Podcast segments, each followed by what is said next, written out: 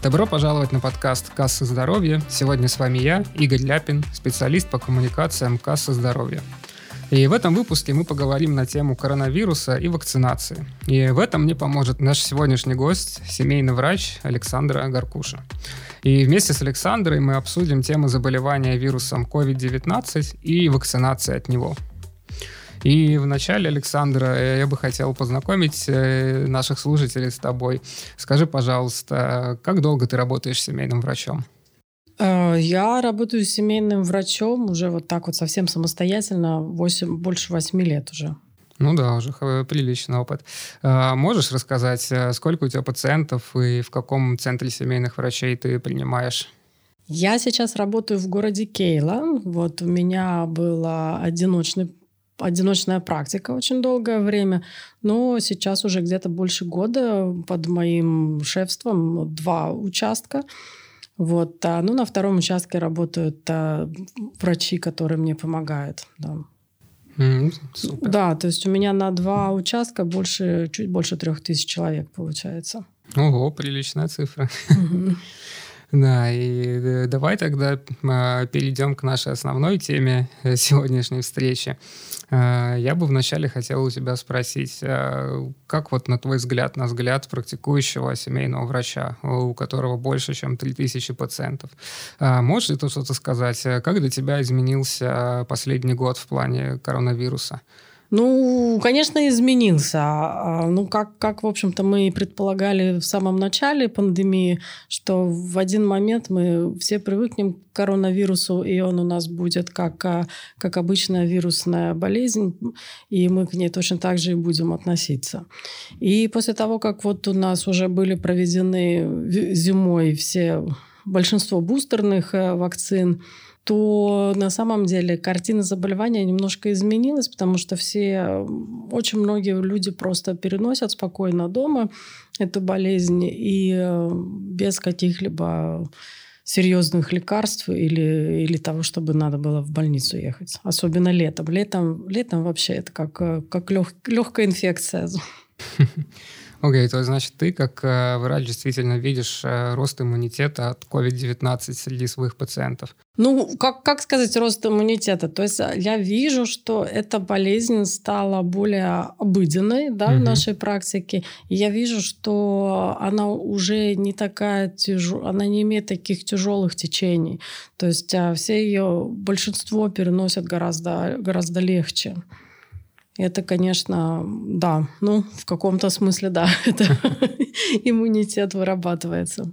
Ага, хорошо. А можешь ли ты отметить что-то по поводу групп риска? Потому что, как известно, по всем данным, что, конечно же, э, группы риска, особенно те, кто еще не начали вакцинацию, среди них очень много тех, кто, к сожалению, потом попадает в больницы э, после заражения вирусом COVID-19. Э, скажи, пожалуйста, ты как семейный врач, насколько видишь или насколько заметно, что группы риска, которые действительно проходят вакцинацию от коронавируса, переносят эту болезнь легче, и это уберегает их от, возможно, каких-то более серьезных э, э, вреда для здоровья. Угу.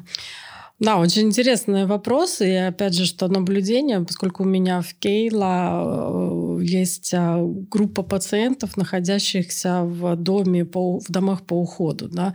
Вот, естественно, там люди находятся, ну, не то чтобы очень здоровые, у них очень много диагнозов, у них э, очень многие прикованы к кровати, и поэтому, естественно, у них изначально иммунитет э, к различным инфекционным заболеваниям гораздо ниже.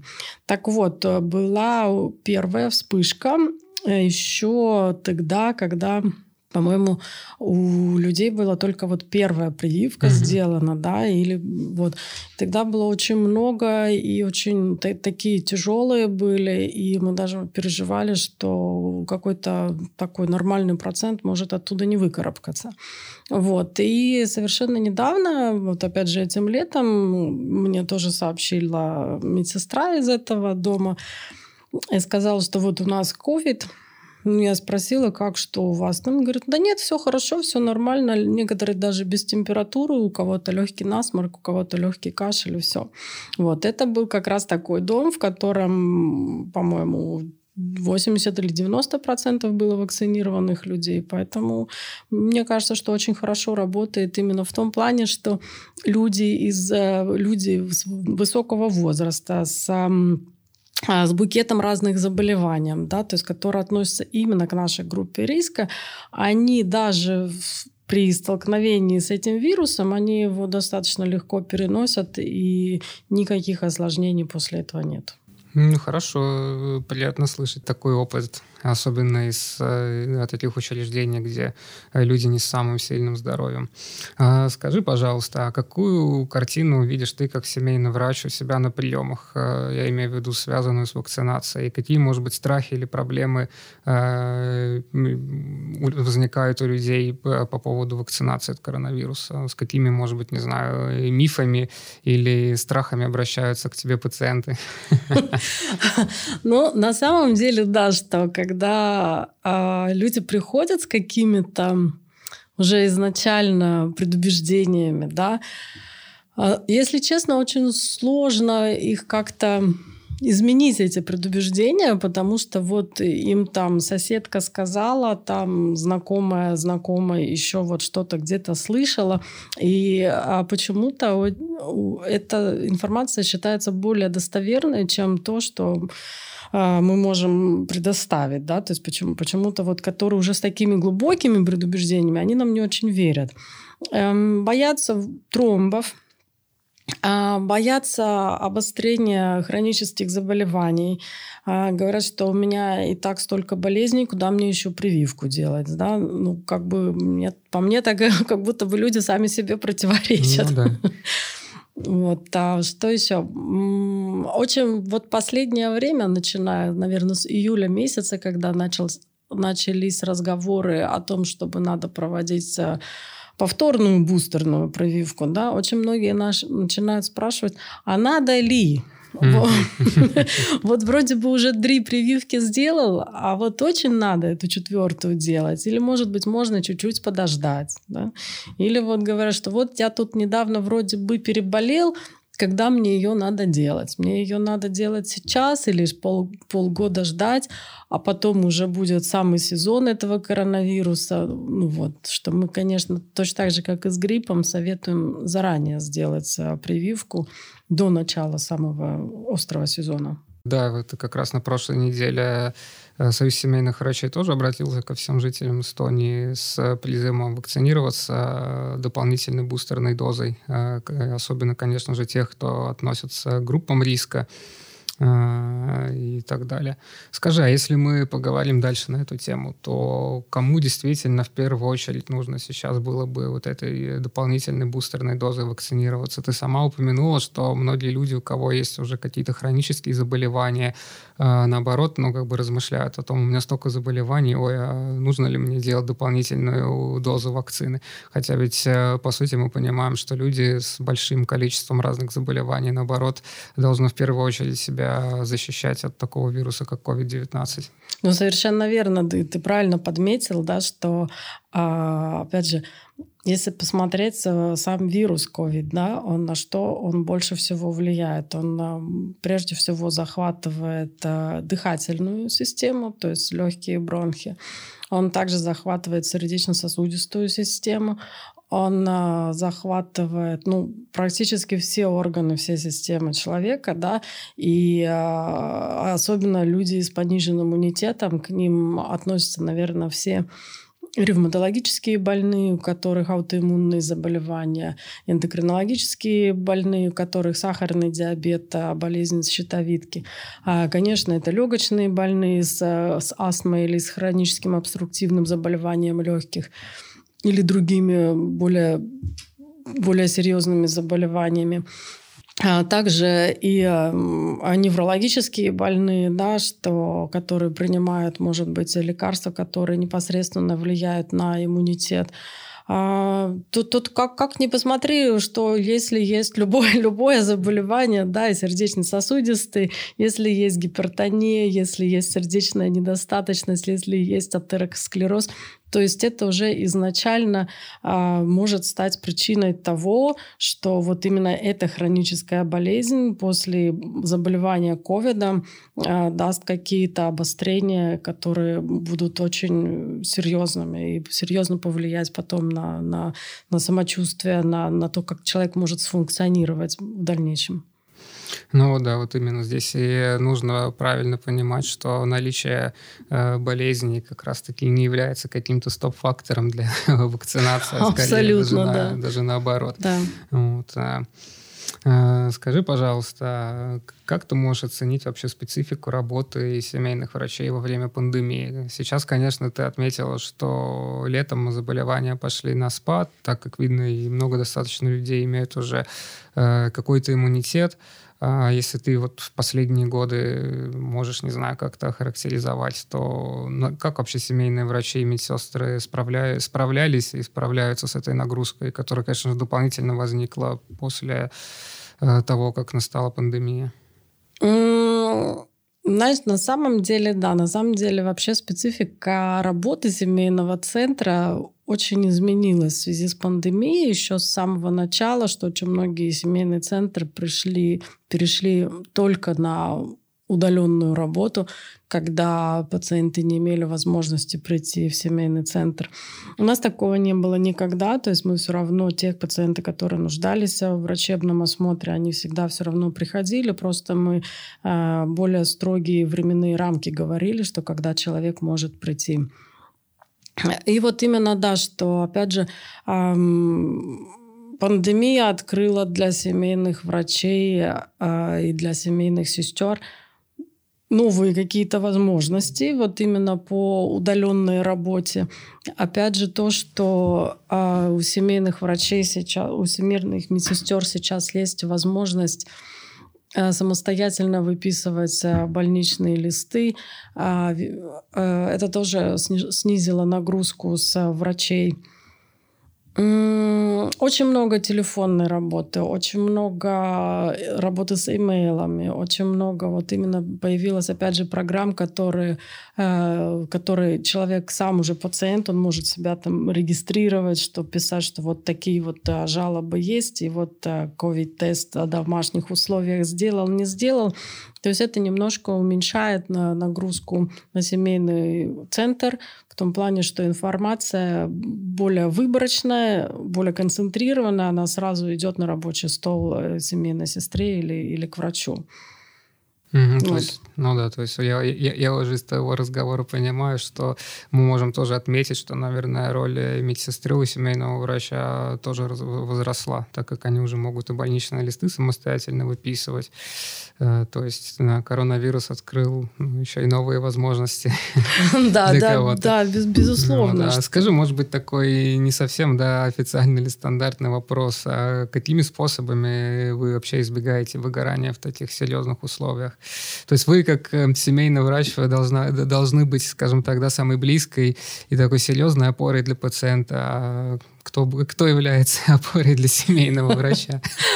Ну, конечно, опять же, что вот у меня не очень большой семейный центр, у нас достаточно маленький коллектив, и мы, мы всегда стараемся друг, друг друга поддерживать затяжно, затяжной вот эта пандемия, да, она, естественно, откладывает на всех отпечаток. А уже мы все друг с другом общаемся и все понимаем, что да, мы уже все устали. Мы уже устали от этого коронавируса. Мы уже от всего от этого устали. И а, мы решили, вот начиная с этого года, ну, это опять же у нас внутри, внутри нашего центра, я думаю, что каждый семейный центр с этим по-своему справляется, мы увеличили количество отпусков и, ну, и разработали такую систему компенсации. Вот, ну, ну, не, ну понятно ведь. Да. А... Потому что вот да, что наш человеческий ресурс, то, чем мы обладаем, это сейчас у нас самое ценное. Опять же, знаешь, тоже бывают такие ситуации. А, мы, допустим, в нашем семейном центре мы не отменяли маски никогда. Даже, Ого. да, даже сейчас летом пациент приходит ну, всегда в маске, и мы пациентов тоже принимаем в масках. Когда нас многие спрашивают, что почему, что везде же уже можно так свободно, я им спокойно и честно говорю, что да, но сейчас очень это бессимптомно все, все может да, проходить. И если мы тут все на работе заболеем. Ну, это кто будет вас лечить? Кто будет вас лечить? К кому вы будете обращаться, да? Ну, и все тогда относятся, да, с пониманием. Да, как раз э, ты прям практически предвидела мой следующий вопрос, э, где я хотел спросить, может быть, ты можешь дать, э, не знаю, какое-то напутствие или совет пациентам и семейных врачей, что в такой ситуации, когда действительно и врачи, и медсестры в центрах семейных врачей тоже оказываются, скажем, да, под, этой, под этим давлением пандемии. Как пациент может э, сам помочь семейному врачу? Ну, например, что можно сделать самостоятельно вообще до того, как э, начинать звонить семейному врачу? Может быть, где-то можно получить полезную информацию или как-то, не знаю, в, в какие-то, выбрать какое-то правильное время, когда действительно семейный врач или медсестра может э, более эффективно помочь пациенту. Ну, не знаю, какие-нибудь такие советы. Ну да, но опять же, что касается ковида, то а, очень много информации у нас есть сейчас в интернете и на, на странице Министерства здравоохранения, и на странице Кассы здоровья, также на странице общества, эстонского общества семейных врачей. Это все можно найти, и как куда обращаться, и как, как себя лечить, если легкое течение болезни, э, какие препараты принимать, на что обращать внимание, что когда уже непосредственно да, требуется, может быть, более серьезное медицинское вмешательство. Это все, это все есть в общем доступе, и просто надо немножко проявить самостоятельность, наверное, самого пациента. Если, опять же, нет возможности с интернетом воспользоваться, да, то всегда вне рабочего времени семейных центров есть а, горячая линия семейных врачей 1220, куда тоже можно обратиться и получить какие-то первые, первые рекомендации. Опять же, такие простые состояния, как легкий кашель, легкий насморк, а, как это лечить, всегда и может провизор в аптеке тоже посоветовать. Они это очень хорошо знают и прекрасно с этим справляются. Они тоже медицинские работники, и они часть нашей медицинской системы. А, да, кстати, кстати, это очень, э, скажем так, хорошая тема, потому что действительно провизоры в аптеках это не просто продавцы на кассе, а ведь действительно, можно сказать, э, тоже работники медицинской сферы. А, скажи, а если к тебе, когда люди обращаются, например, по поводу вакцинации, кто-то еще выбирает вакцины, например, спрашивает, я вот хочу такого производителя или, или такого, или, в принципе, сейчас уже более-менее все люди относятся к вакцине как к вакцине? Нет, иногда, иногда выбирают, иногда высказывают свои какие-то предпочтения, но я заказываю себе только одного производителя вакцину, потому что, ну, так исторически у нас сложилось, потому что изначально было только этот производитель доступный, а другие производители нет, поэтому я тоже говорю, что если есть другое желание, тогда можно где-то в городе искать э, кто где более большие центры вакцинации делают э, вакцину именно этого конкретного производителя. А, да, кстати, на э, электронной странице vaccinel.e действительно можно посмотреть во всех регионах Эстонии доступные э, пункты по вакцинации от коронавируса, где наши партнеры Касса здоровья э, действительно оказывают каждый день услуги по вакцинации от коронавируса. Да, тогда еще такой вопрос. Э, если мы перейдем дальше и попробуем как-то сравнить э, вакцинированных и невакцинированных э, людей, какой с ними опыт у семейного врача. То есть, конечно же, мы знаем, что уже в Эстонии достаточное количество людей привились вакцинами от коронавируса. Кто-то прошел просто первый курс вакцинации. У многих есть уже первая бустерная зона. Сейчас с середины лета в первую очередь группы риска стали получать и вторую бустерную дозу. Но, конечно же, из статистики э, департамента здоровья, мы знаем, что, к сожалению, есть действительно еще достаточно большое число жителей Эстонии, которые не вакцинированы от коронавируса вообще. И, ну, в принципе, можем предполагать, что у них нет никакого иммунитета. Вот ты, как э, семейный врач, можешь ли оценить, э, после, если такой человек, ну, если сравнить два Э, двух индивидов, да, вакцинированного и нет. Кто из них э, в большей мере нуждается во врачебной помощи? Ну, конечно, человек, который не вакцинирован, нуждается в врачебной помощи. Я, кстати, да, тоже перед тем, как а, прийти сюда, сегодня я смотрела статистику, и да, больше, больше 70% у нас вакцинировано людей, что, в общем-то, достаточно хороший показатель, учитывая у нас изначально не очень высокую активность населения. Да. А, у меня даже есть а, пациентка, достаточно старше 50 лет и с хроническими заболеваниями почек, естественно, там уже и легкие, и, ну, и сердце, да, то есть гипертония такая, в общем-то. Ну, изначально нельзя сказать, что здоровая женщина. И она вот как раз была из тех, кто очень боялась сделать э, вакцину по той причине, что эта вакцина может отрицательно сказаться на ее здоровье. Вот. И, к сожалению, COVID не обошел ее стороной, она заболела, и она заболела, и достаточно тяжело она болела, и у нее очень долго были вот эти вот побочные действия от, а, от самой болезни. Mm-hmm. То есть она вроде бы выздоровела, но ей было очень плохо. У нее были какие-то постоянные боли в разных частях тела. У нее немножко ухудшилось течение ее основных заболеваний. И то, что вот а, чаще всего люди жалуются, вот это вот общая слабость, усталость, одышка, это очень долго было, и мы ее и очень много приглашали на прием, исследовали анализы. Ну ничего, ничего специфического. Очень-очень долго, очень затяжно и очень неприятно. А, да, ведь сейчас э, все больше э, говорят вообще в мировой литературе, да, по исследованию коронавируса о таком феномене, как э, долгий ковид. Вот, э, как я понимаю, ты уже в какой-то мере описала, э, что может и как он может выглядеть. Угу. Вот, а скажи, пожалуйста, э, видела ли ты, что, скажем так, такой феномен долгого ковида может преследовать и достаточно молодых, и, скажем так, на первый взгляд, достаточно здоровых людей?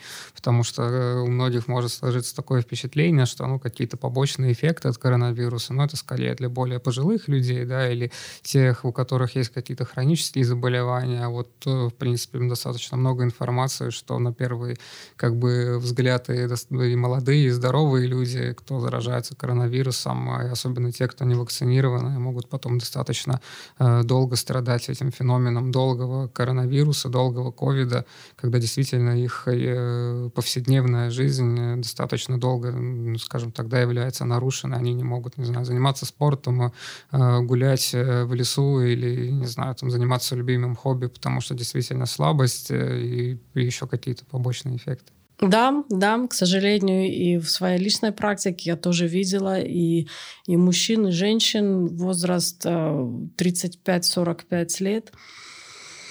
И вот именно вот эта вот э, ужасная усталость, одышка, и особенно вот был ну, молодой человек, ему было, не было еще 40 лет, и для него это было особенно серьезно, потому что он как молодой мужчина, как отец mm-hmm. маленьких детей, он чувствовал, что вот именно он не справляется, он не может играть с детьми, буквально играть с детьми он не может. Он не может принести продукты из магазина, он не может с сумками подняться на четвертый этаж.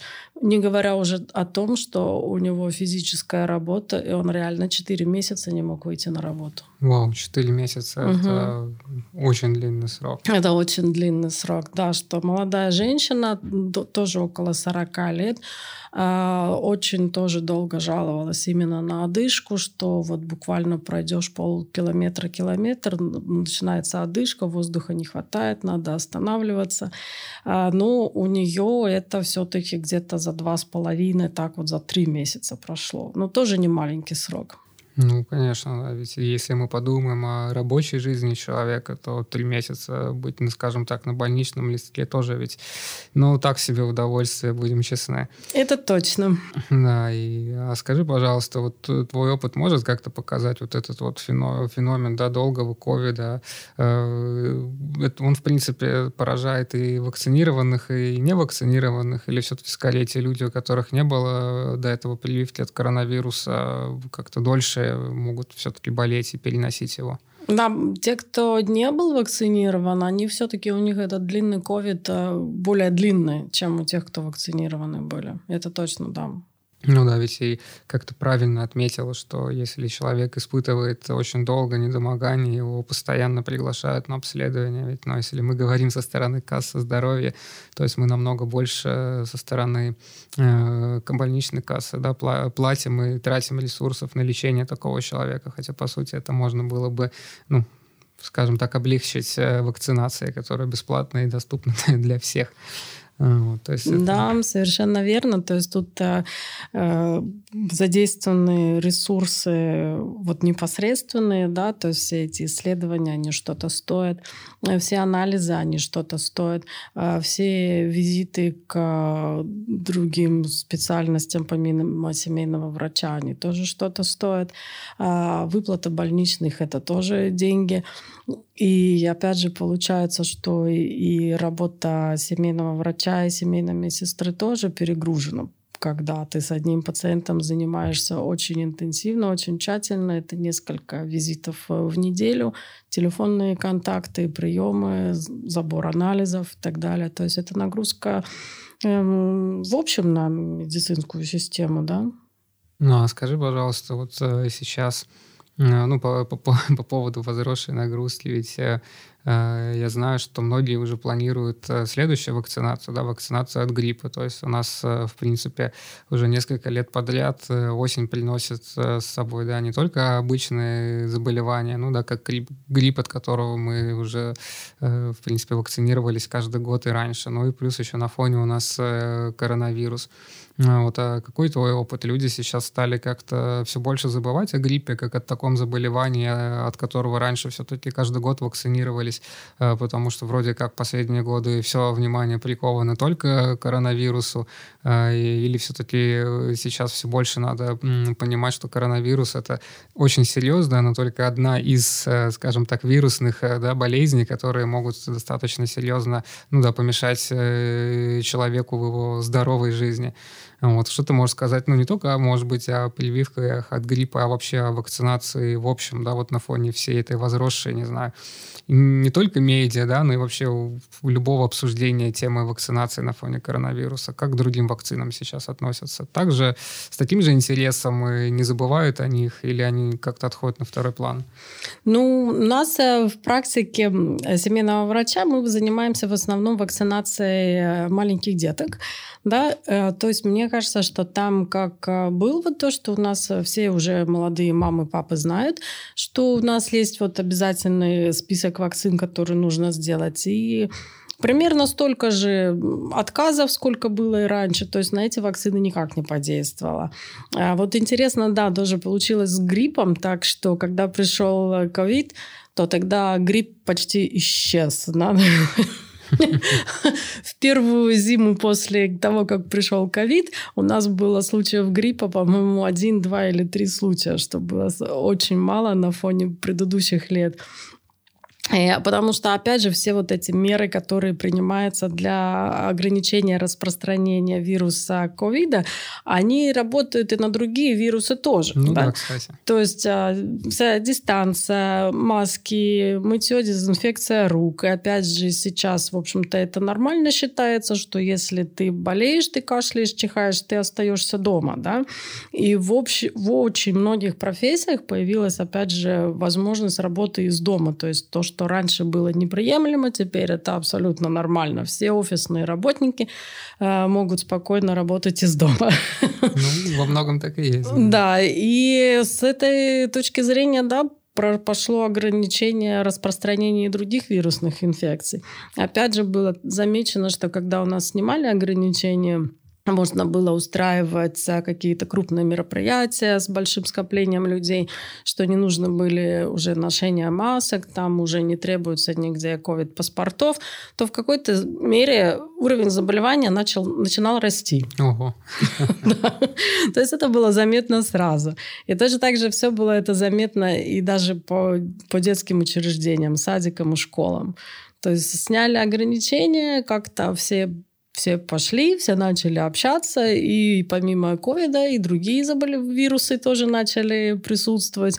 И когда спрашивали, ну это же не ковид, я говорю, нет, не ковид, но другие вирусы тоже, они живут по-прежнему с нами, они никуда не исчезли. И многие уже начали удивляться, что, а, да, у нас точно, у нас же и другие болезни тоже есть, вот, у нас вот, же вот. не только ковид есть. Вот, то есть действительно мы можем здесь подытожить и перед началом осени сказать всем нашим слушателям, что такие на первый взгляд простые да, меры профилактики вирусных заболеваний, как дезинфекция, мытье рук э, в людных местах, ношение маски, э, соблюдение да, вот этой социальной дистанции хотя бы 2 метра, они реально работают даже на примере других вирусов. И несмотря на да, возросшую вакцинацию и, о том, и, и, и несмотря на то, что у нас достаточно большое количество людей уже в Эстонии вакцинировано, то, в принципе, осенью не стоит пренебрегать этими простыми методами. Ну, совершенно верно, не стоит пренебрегать. И, и мне кажется, что это очень хорошо, что мы за два с половиной года эпидемии научились руки мыть все, в общем-то. Это, это очень положительно. И, ну, насколько мне тоже известно, во всех медицинских учреждениях до сих пор требуется требуется ношение масок. Я сейчас э, немножко посмотрела, помониторила, как в других европейских странах. И точно так же. То есть если в общественных местах уже не надо ношения масок, никто нигде не спрашивает COVID-паспорт, то в медицинских учреждениях и в хосписах все равно требуется ношение масок. Угу. Не, ну это понятное дело, если э, сами медработники... Ну, во-первых, как ты до этого уже сказала, что сами медработники ведь тоже да, нуждаются в защите, потому что большое количество пациентов проходит э, да, через вас каждый день. Если угу. медработники заразятся, то кто же тогда будет их всех лечить? Поэтому, да, наверное, всем слушателям можно напомнить, что ношение масок э, не только защищает вас, да, а защищает еще и, скажем так, того врача или специалиста или медсестру, приема которого вы пришли. Вот, поэтому напоминаем вам, что не стоит действительно пренебрегать э, такими простыми, но полезными вещами. Э, так, хорошо. А, скажи, пожалуйста, если мы вернемся вот ко всему этому да, феномену долгого ковида и вообще как бы побочных э, эффектов после коронавируса, как я понимаю, какого-то ведь основного э, лечения от него нету. То есть каждый раз э, врач должен проводить исследования и придумывать, да, как с каким-то, не знаю, побочным эффектом болезни бороться. То есть у нас нет, как бы, грубо говоря, какой-то одной, одной или двух таблеток, которые прописывают, если у человека побочный эффект эффекты после, переба... после того, как он переболел коронавирусом? К сожалению, да, к сожалению, нету. Даже у нас есть сейчас а, лекарство от а, гриппа, да, специфическое именно лекарство от гриппа. Но специфического лекарства от коронавируса в массовом доступе нету. И поэтому, да, основное лечение сводится к тому, чтобы снизить а, симптомы, чтобы, сни... чтобы как-то стабилизировать состояние человека, чтобы его собственный организм имел а, возможности и ресурсы выкарабкаться из этого состояния. Да, поэтому каждый раз да, мы смотрим, какие симптомы в данный момент э, преобладают, и направлено наше лечение именно на то, чтобы убрать эти симптомы, чтобы они как можно меньше мешали человеку жить. Угу, понятно, хорошо. А, слушай, а если мы перейдем дальше к такой теме, да, как именно непосредственно сама вакцинация, да, и, и уже побочные эффекты, ну, скажем так, да, которые э, вакцина может эм, э, человеку ну, как бы предоставить. То есть я, насколько, ну, насколько я знаю, многие люди перед вакцинацией, ну, планируют, например, да, что я, например, из статистики по этому лету заметил интересный факт, что все цифры по количеству сделанных вакцин подскакивают в четверг и пятницу. То есть, ну, видно, что люди планируют, что выходные как бы на всякий случай, если там, не знаю, будет голова болеть или поднимется температура, да, то, в принципе, за выходные они э, отойдут от этого за несколько дней. К началу новой рабочей недели можно будет уже с новыми силами выходить, э, скажем так, на работу. А вообще, что вот ты как семейный врач можешь э, рассказать, да, вот о самой вакцинации, о твоем опыте и насколько, не знаю, может быть, часто или много люди потом жалуются на какие-то побочные эффекты после дозы вакцины? Мы, когда началась вакцинация, мы очень много проводили э, вакцин, и под, нашей, под нашим шефством, так сказать, была даже вот огромная э, школа в Кейла, там учителей мы вакцинировали, и э, где-то, наверное, их там 200 человек было. Да, то есть ну, достаточно большое количество. Вот именно единоразово мы провели вакцин. И я потом проводила опрос, как что, как вот у них что было. И, по-моему, там буквально единицы, которые сказали, что вот такое плохое самочувствие длилось больше трех дней. А, в основном вот все, которые а, обычные побочные действия от вакцин, то, что описывает у нас и э, департамент лекарств, да, вот, э, это самые часто встречаемые. Локальные какие-то симптомы, то есть боль, припухлость, покраснение вместе укола, да. А несколько человек мне описывали, что вот эта область а, припухлости, она стала очень большая. Ну, то есть это такая своеобразная уже небольшая, как локальная аллергическая реакция mm-hmm. пошла. Но здесь а, противогистаминные препараты, противоаллергичные, очень хорошо справились. А температура 37-38 градусов, э, какое-то недомогание, может быть, головная боль. Это все люди описывали. Сейчас статистику привести не могу, а, но это все длилось один-два дня, то есть ну, вполне, вполне приемлемо. И, э, ну, опять же, были и такие ответы мне, что все было нормально, я даже не заметил, а вообще вы мне вкололи лекарство, или, может быть, просто вы мне воду тут вкололи, потому что у меня абсолютно я ничего не почувствовал. То есть э, так, такое тоже было. Слишком хорошо прошло, чтобы Слишком, быть правдой. да, да. Если мы посмотрим, опять же, любую другую вакцину, и возможные побочные действия от любой другой вакцины, то там будет все то же самое, что до трех дней а, любые такие вот а, реакции организма это нормально, это значит, что вакцина работает, иммунный ответ идет, то есть это все то, что может быть, это все под контролем. Ну да, то есть тут и нужно, я думаю, понимать, что ведь наш организм так устроен, чтобы он так реагировал на да, ввод вакцины в организм.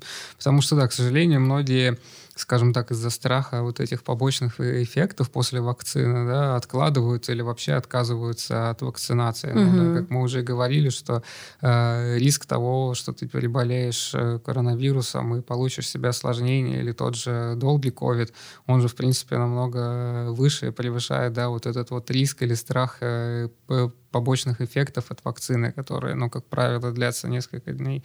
То есть, я думаю, здесь, конечно же, можно сказать, что если кто-то думает, что побочные эффекты от вакцины страшнее, чем э, переболеть э, самим вирусом, то, ну, наверное, лучше э, этим людям задуматься, что ведь ты, как врач, тоже говоришь, что и достаточно молодые люди потом не могут несколько месяцев даже с своими детьми играть, если действительно заболевание возьмется и проявится в тяжелой форме. Абсолютно верно, да. То есть никакие побочные действия от вакцины, они не могут сравниться с побочными действиями от, своей, от, собственно, от самого заболевания. Да?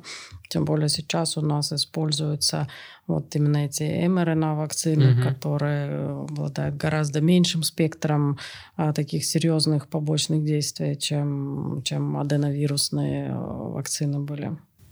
Окей, okay, хорошо. Может быть, э, ты со своей стороны, как э, семейный врач, что-то еще хочешь сказать нашим слушателям, как им э, провести эту осень и лучше всего подготовиться, скажем так, к наступающим холодам, нехорошей, не всегда приветливой погоде эстонской, осенней и новому, скажем так, сезону вирусных заболеваний. Ну да, ну, конечно, что все а, советы такие. А, мне кажется, что вот это вот наша на авось, оно не пройдет. С вирусами оно не пройдет. С вирусами оно вот ну, никак не проходит. И вот это вот, а вдруг я не заболею, а вдруг со мной ничего не случится, да? Но опять же, а вдруг заболеешь, а вдруг случится, и тогда как? И тогда ты будешь знать, да, что вот у меня была возможность эм, предо... уберечься от этой болезни, да, но я ей не воспользовалась. И теперь мне вот так вот плохо, и теперь я вот от этого страдаю, и, и, и, и вот это вот все, да, и несколько месяцев не могу заниматься а, спортом, не могу ходить на работу, и голова не соображает, и кашлю, и спать не могу. Ну, зачем это надо? Ну, мне так, допустим, кажется. Абсолютно. То есть профилактика заболевания все-таки намного лучше, чем э, авось и надежда того, что меня это пройдет стороной. Да, это как вот у нас да, есть поговорка, что знал бы, куда бы упал, подстелил бы подстилку. Но вот здесь вот мы знаем, куда мы можем упасть, и мы можем хорош, хорошую подстилку постелить. Да, супер. Спасибо тебе, Александра, за замечательную беседу. А, и подводя итоги нашей беседы, я думаю, что можем сказать, что вакцинация от коронавируса является все же наилучшим способом, чтобы уберечь себя и своих близких от попадания в больницу или возникновения действительно серьезных и сильных осложнений. И спасибо всем слушателям, что были с нами. А, отдельное спасибо еще раз Александре, которая нашла время, чтобы пообщаться с нами. И до встречи на следующих подкастах э, «Касса здоровья». Будьте здоровы! Спасибо, до свидания.